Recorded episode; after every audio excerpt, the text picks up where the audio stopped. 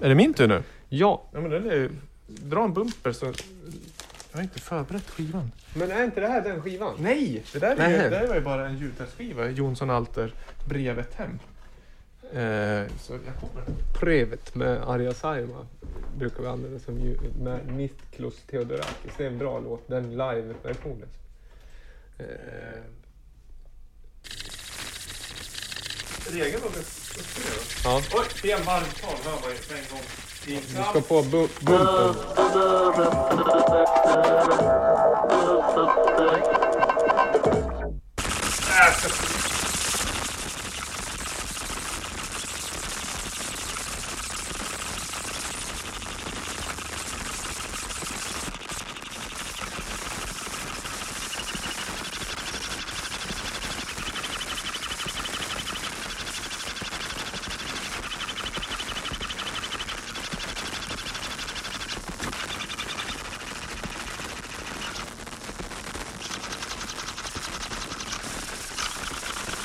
Eh, du kanske kommer ihåg för några avsnitt sedan när vi körde den här låten med 10 000 kycklingar.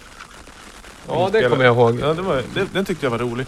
Den här, det skiljer sig inte jättemycket musikaliskt, men det är ju något helt... Man kan säga att det är motsatsen till 10 000 kycklingar. Vad är det? En stor björn. Nej, men det är nästan, för det, det här är en stor maskin. Ja. Alltså kycklingar är ju ändå levande varelser. Och en maskin, mm, det är ju ändå en maskin. Eh, vad heter skivan? Det är skrivet med så små bokstäver. Den heter Scratch, heter skivan med Mikael eh, Selami. Selami. Och det är ju eh, så här eh, konceptuell eh, konst. Eh, från eh, in, installation med en av världens absolut snabbaste eh, motorer. Den ja, alltså, den- det, installationen har ställt ut motorn och sen är det här alltså ljud. Motorn är så pass snabb så att den gör över 200 rörelser här per sekund och eh, den eh, scratchar en vinylskiva. Det är det vi hör alltså. Så motorn eh, som är så otroligt snabb scratchar en CD-skiva.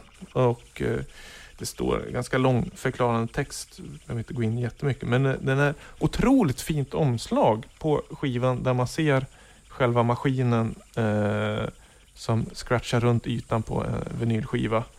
Snabbare än en människa någonsin har kunnat scratcha en skiva. Ska försöka förklara. Det är ju alltså fyra, det, maskinen ser ut som en klassisk, eh, som man kan se nere i en hamn eller något liknande. Det är fyra stora ben i någon form av solitt stål. Och sen är det en plattform som är, den står på och så upphöjt är det en stor krona. Ner kommer eh, fyra stycken armar som långa kryckor eller nästan som en spindel. Som då ner till en nål och scratchar den här skivan. Men låter hela skivan så här, det är det som är intressant. Ja, verkligen. Den är masterad på DK Mastering i Paris. Undrar hur de, om det här är liksom deras specialitet. När man tar an sig ett sånt här masteringsjobb känner man sig, ja den här ska låta precis som eh, det alltid har gjort. Det här, det här har vi rutin på. Eller hur, hur tänker man som mas, masteringsengineer? Ja, det vill nog få fram eh, själva ingrediensen av... Eh, Motorn. ja, Motorns själ måste ju fram. Scratch is a sonic composition of 7 minuter och 22 sekunder.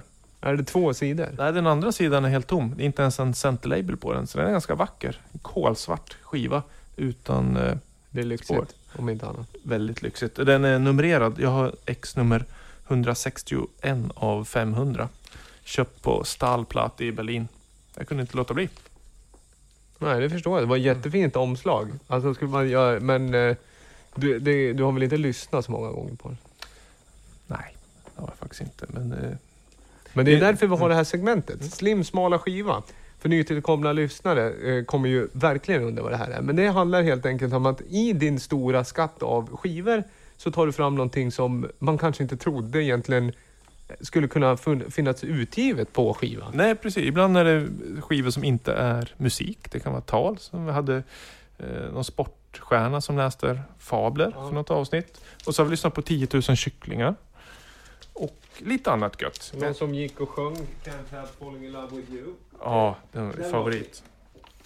Nej, men jag gillar ju lite annorlunda musik. Den har jag hört både bu och bä om. Den versionen.